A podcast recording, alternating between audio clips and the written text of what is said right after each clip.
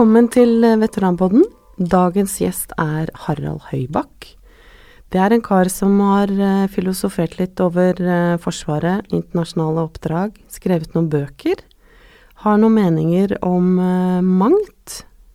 Kvinner i Forsvaret, endringer i internasjonale oppdrag. Vi gleder oss. Harald, kan du fortelle litt om deg selv? Det kan jeg gjøre.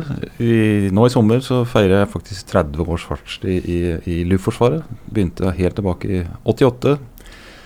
Halvparten av den tida så har jeg vært eh, forsvarsakademiker i form av at jeg har vært eh, hovedlærer på stabsskolen, eh, del av Forsvarets høgskole her i Oslo. Eh, grunnen til at jeg er invitert hit, vil jeg tro, er at jeg også har eh, litt eh, erfaring med internasjonal tjeneste. Jeg var i Kabul høsten 2014. Ja. Du har skrevet noen bøker. Hvilke bøker har du skrevet? Jeg har skrevet flere bøker, men det som er verdt å nevne, kanskje, er en bok om krigskunstens historie, hvor jeg forteller litt om hvordan krigskunsten utvikla seg i Europa, eller landdelen av krigskunsten, da, fra 1500 og fram til nå. Den anbefaler jeg på det aller varmeste. Og så Den siste boka mi det er en debattbok som ikke har vekket så mye debatt, egentlig, men den handla om Forsvaret. Tittelen var 'Forsvaret et kritisk blikk fra innsiden', hvor jeg tar opp en del ting jeg er eh, skeptisk og usikker på knytta til hva Forsvaret gjør innenfor lederutvikling, deler av det vi har gjort internasjonalt. Eh, evnen til å lage strategier og gjennomføre de, og litt sånn, eh, en litt sånn skråblikk på firmaet som jeg har vært en del av så mange år. da. Ja, Og hva syns du om Norges rolle i internasjonale operasjoner? Nei, jeg syns stort sett så har Norge lite å skamme seg over. Vi har vært eh, relativt flinke, men kanskje ikke så flinke som vi liker å tro at vi er. Eh, og det er vel eh, en erfaring jeg også har hatt via andre sammenhenger, at det er ikke så ofte at Norge gjør seg sånn veldig bemerka, verken positivt eller negativt. Uh, unntaket der i stort er jo Libya-operasjonen i 2011, som vi snart får en en saftig rapport, saftig, altså fyldig rapport om, om bakgrunnen for Norges engasjement der. Men det var vel den eneste gangen vi har på en måte blitt lagt, lagt merke til i, i, stort. da, altså Det er klart at det, deler av det vi har gjort innenfor spesialstyrker, etterretning osv., har nok blitt lagt merke til i små miljøer, men sånn overall så har Norge vært sånn midt på treet, vil jeg tro. Positivt og negativt. Og hva trekker du fram som er spesielt med det oppdraget i Libya? Nei, Der var jo Norge veldig tidlig med, og vi var frem, med helt i fremste linje. Og gjennomførte operasjoner som vi i utgangspunktet hadde lite erfaring med. Altså Vi hadde jo fra andre verdenskrig og fram til da hadde vi vel sluppet noe sånt som seks eller åtte bomber eller noe sånt i Afghanistan. Her så slipper vi opp mot 600 eller mange det var. altså Vi er helt altså i fremste linje. Tar veldig kompliserte og vanskelige oppdrag. Eh, litt out of character til å være Norge. og Det blir spennende å se liksom, forklaring på hvordan og hvorfor vi havna der, og hvorfor Norge fikk den relativt fremskutte posisjonen. Og vi leverte jo en betydelig andel av alle våpen som ble sluppet over Libya. altså Betydelig sett i forhold til Norges størrelse. Tror du at da kommer den diskusjonen opp igjen på vil, Stortinget? Jeg vil jo tippe det. Altså jeg, den rapporten kommer vel nå, så vidt jeg skjønner, rett rundt hjørnet. Den skal være, så vidt jeg har fått med meg, ganske, ganske innholdsrik. Altså, de har gått ganske dypt i det. Så det blir spennende å se både politikken rundt det, jussen i det. Uh, det militært operative. Men, men, jeg tror den jobben som ble gjort, var, var veldig bra fra militær side. Altså godt utført, uh, kompliserte uh, oppgaver de fikk, som de løste godt. Det er mitt inntrykk. Så Det blir spennende å se rapporten. Ja. Uh, og framtiden for Norges Intops-innsats, hva tenker du om den? Vanskelig å si, men sånn som det ser ut nå, så ser det ut som det å støtte lokale styrker på en måte er fremtida, i hvert fall på kort sikt, type det vi har gjort i, i forbindelse med Syria-konflikten. Det vi gjorde nå i forbindelse med at uh, myndighetene i Irak vant tilbake kontrollen over sitt eget territorium, hvor, hvor den norske task-uniten var uh, var med på å veilede og, og, hjelpe og rådgi mer enn å gjøre jobben sjøl. Så, så, sannsynligvis så kommer vi ikke til å sende veldig store norske avdelinger i den type operasjoner. Da vil vi sende lærere og mentorer og folk som kan på en måte eh, veilede. De store avdelingene, også i den grad Norge har det, de vil kanskje i større grad være knytta til forsvaret av Nato, som vi har sett nå ikke sant, mot uh, vår østgrense. At vi må etter hvert avgi betydelige avdelinger da, til den type tjeneste. Uh, men når det gjelder en klassisk sånn intops langt fra Norge, så virker det for meg som at denne mentorering og opplæringsbiten blir viktigere enn at vi sender infanterienheter eller hva det måtte være. Ja. Og din opplevelse når du var i Kabul, hva tenker du? Jeg kom til Kabul relativt seint eh, i operasjonen. altså Det var uh, veldig sånn Man pakket esker sammen, man slo sammen hovedkvarter. Man, så det var en veldig sånn nedadgående kurve sånn, eh, når det gjaldt liksom strategien og håpet og tanken man skulle få til. Men det var veldig lærerikt å, å gjøre noe annet enn det jeg har gjort de seneste årene. Så jeg, jeg syns det var veldig spennende opphold, men det var ikke så veldig sånn Man hadde ikke noen følelse av at man hadde, hadde vunnet, for å si det sånn, når man dro derfra. Men gjorde du det fordi du hadde lyst, eller fordi det har blitt litt sånn at det må være en del av karrieren hvis du skal opp og fram i Forsvaret? Det er nok en, eh, en kombinasjon, for det var det er ikke noen tvil om at eh, på det tidlige 2000-tall eh, så var det opplest og vedtatt at du måtte ut for å ha noe sjanse på, på, attraktive stillinger. altså Det var ingen tvil om du måtte ha internasjonal tjeneste. Problemet mitt i den fasen der var at eh, da var det jo krav til eh, fysisk skikkethet. Altså, det ser man ikke så godt på podkast, men jeg er jo brillebruker. Eh, brillene bruker jeg fordi jeg ser dårlig, ikke fordi at det ser bra ut. Men, så det gjorde at jeg var, ikke, jeg var ikke tilgjengelig, eller jeg kunne ikke avtjene, jeg kunne ikke reise ut. men etter hvert som da man hadde brukt opp alle som kunne gå og høre og se og sånn, så, så, Og sånn er det jo i sluttfasen av kriger, da, den merkeligste ting de sender ut. Så da forsvant disse kravene, og da åpna det seg en mulighet. Og, og, jeg dro, og det angra jeg ikke på i det hele tatt. Eller jeg angra mange ganger, men sånn overall så var det en veldig positiv opplevelse å bli kjent med en ny verden. Og da tenker jeg ikke så mye Kabul og afghanere, men, men det internasjonale samfunnet som, som er knytta til sånne internasjonale staber og det som foregår der. Uh, og hva tenker du om uh, oppfølging av veteraner i Norge, og, og medias søkelys på hva som er gjort og ikke gjort, og øh, opplæring underveis i internasjonale operasjoner. Nå hadde vi jo en litt uheldig episode her rundt øh, mai måned, med noen gamle Libanon øh, på NRK. Gamle Libanon-veteraner. Du har jo litt bakgrunn i krigens filosofi.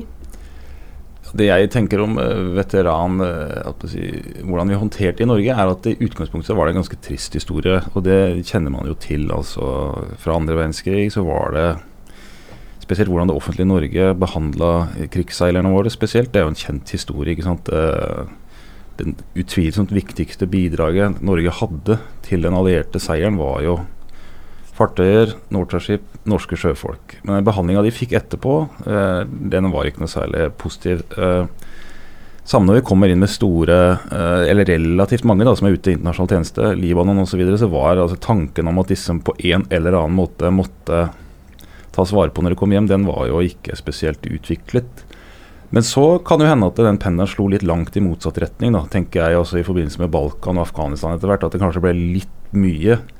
Og at eh, veteranstatusen ble kanskje i, for enkelte litt overdrevet. Så tror jeg kanskje den pendelen nå er mer tilbake til der den bør være. At det er klart at For de aller fleste av de som har vært ute, så har det vært en veldig positiv opplevelse som man tar med seg, men som ikke er definerende for deg som person eller kanskje det viktigste du har gjort i livet, men det er noe du har gjort som på linje med mye annet. Og så er det noen som trenger opp, eh, oppfølging, og det er veldig viktig at vi tar tak i de, og at det er et bra, bra tilbud for de som faktisk trenger trenger oppfølging. Og jeg tror også er veldig positivt at man har miljøer hvor veteraner kan kom, komme sammen. Det er kanskje det viktigste. Å dele erfaringer og oppfatninger med folk som aner litt hva dette dreier seg om. Men jeg er litt skeptisk til at det blir for hausa opp. Altså at det er vi veteraner som bærer det norske samfunn på våre skuldre. Det er jeg litt, uh, litt usikker på. Um, så må vi snakke litt om uh, boka di, Harald, og hvordan du fikk denne diskusjonen til å ta litt av i media om kjønn i Forsvaret. Ja, det er jo en spennende historie for så vidt. Fordi i 2016, altså nå to år siden, så ga jeg ut eh, boka 'Forsvaret et kritisk blikk fra innsiden'. Og Der tar jeg opp eh, i en litt større sammenheng at eh, ethvert forsvar i enhver en historisk epoke må finne en balanse mellom krigens krav, eller det man opplever å være krigens krav, og samfunnets krav. Så man må finne det som en balanse der. Og så problematiserer jeg litt at eh, i dyp fred, som vi er, så har kanskje samfunnets krav fått litt stor impact på hvordan Forsvaret ser ut, på bekostning av stridsevne. Og så trakk jeg da frem eh, at vi innfører kvinnelig verneplikt i Norge eh, nå i moderne tid. Det er jo ingen andre nasjoner eh, i vår del av verden som er inne på tanken engang. Og det prøvde jeg å forklare da med ikke at det er våre erfaringer ute som tilsier at vi bør ha kvinnelig verneplikt, men det er altså en del av kvinneprosjektet i Norge, eh, og må ses i det lys. Eh, og når det sto i boka, så var det ingen som reagerte på det, i hvert fall ikke i det offentlige rom. Men, men når det ble tatt ut, kall det av sin sammenheng, eh, så var det ganske mange som lot seg irritere. Ikke over tror jeg, fakta eller biologien i dette, men at man helt tatt tar det opp. Ja. Eh, og da gikk det en kule varmt både på sosiale medier og andre steder. Ja, det, de gjorde det. Uh, og det som overrasker meg mest, og det var en sånn aha-opplevelse for en eldre herre, det er jo hvordan her, de sosiale mediene virker. At, uh, at, man er ikke opptatt i det helt, eller jo, i hele tatt, men, men, hva som faktisk er sagt. For i korte trekk, det jeg sier, er at det, om krigen, og da spesielt langkrigen, fremdeles har et fysisk element, og alt tyder på det, ut fra våre erfaringer fra Afghanistan og andre steder, at uh, pakningene er faktisk tyngre nå enn de var tidligere. Uh, man går langt, uh, osv. Så, så, videre. så det, det, fysiske elementet i langkrigen er ikke borte. Og Hvis vi aksepterer det, at det ikke er borte, og hvis vi aksepterer da at målet, uh, målet skal være at vi skal ha flest mulig jenter inn i stridende avdelinger, så vil det nærmest rent logisk være, etter mitt syn, da, at stridseffekten vil falle. ikke sant? Fordi at jenter er i snitt svakere enn gutter. Og det er ingen som egentlig bestrider i noe særlig grad. Så den kombinasjonen der,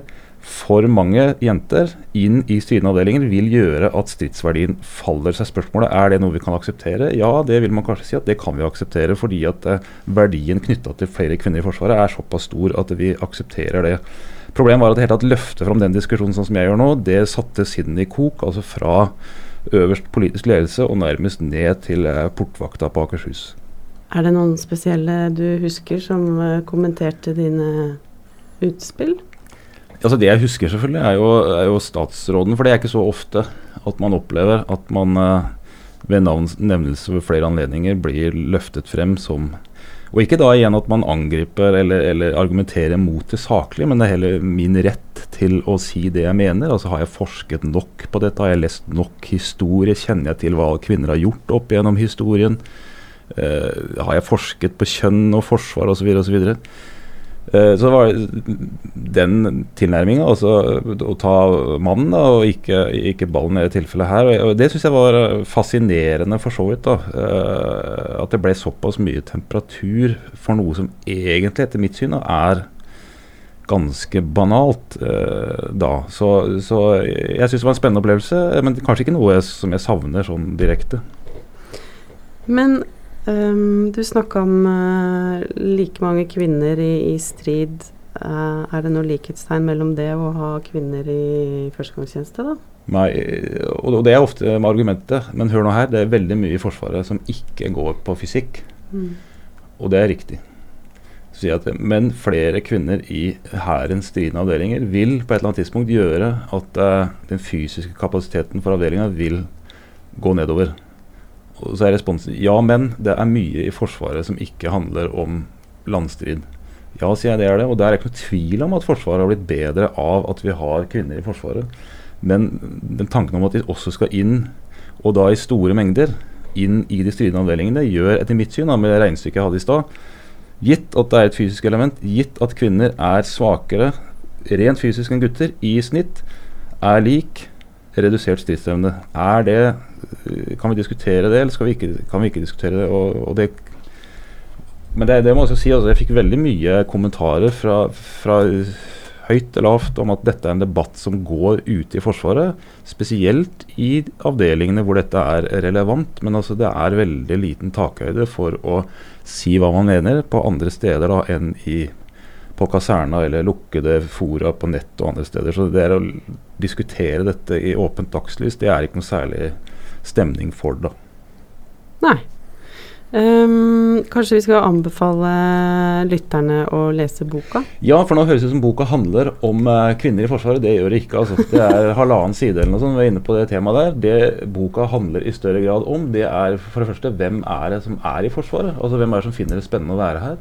Hvem er det som blir leder i Forsvaret? Og der er jeg jo litt, uh, litt uh, Stiller jeg meg spørsmål ved at vi nok Eller det jeg tar utgangspunkt i at vi faktisk har Norges beste lederutdanning. Ved at vi kombinerer teori og praksis på en veldig god måte. Så får vi veldig gode kandidater. Uh, men gjennom et langt liv i Forsvaret så går generalene og admiralene våre av når de er sånn ca. 60. Da bør de ha 10-15 år restarbeidsevne, og da slår det meg at det er ikke så fryktelig mange av våre generaler, oberster og andre som får veldig spennende jobber. Hva skulle tro at Hvis vi var Norges beste ledere, så burde vi kanskje sett flere høyere offiserer i politiske verv, lederverv i, i kommersiell virksomhet osv. Vi har noen eksempler, men ikke mange. Så prøver jeg å filosofere litt over det. Hva er det som gjør at uh, vi har de beste unge, vi gir dem den beste utdanninga, men etter en karriere i Forsvaret så er vi kanskje ikke så attraktive. Og Så sier jeg litt om uh, Norge i utlandet og, hva vi har holdt på med, og vi, hva, hvordan vi diskuterer norsk innsats i utlandet. Så det er en bok jeg anbefaler alle å lese som er interessert i Forsvaret. Takk, Harald.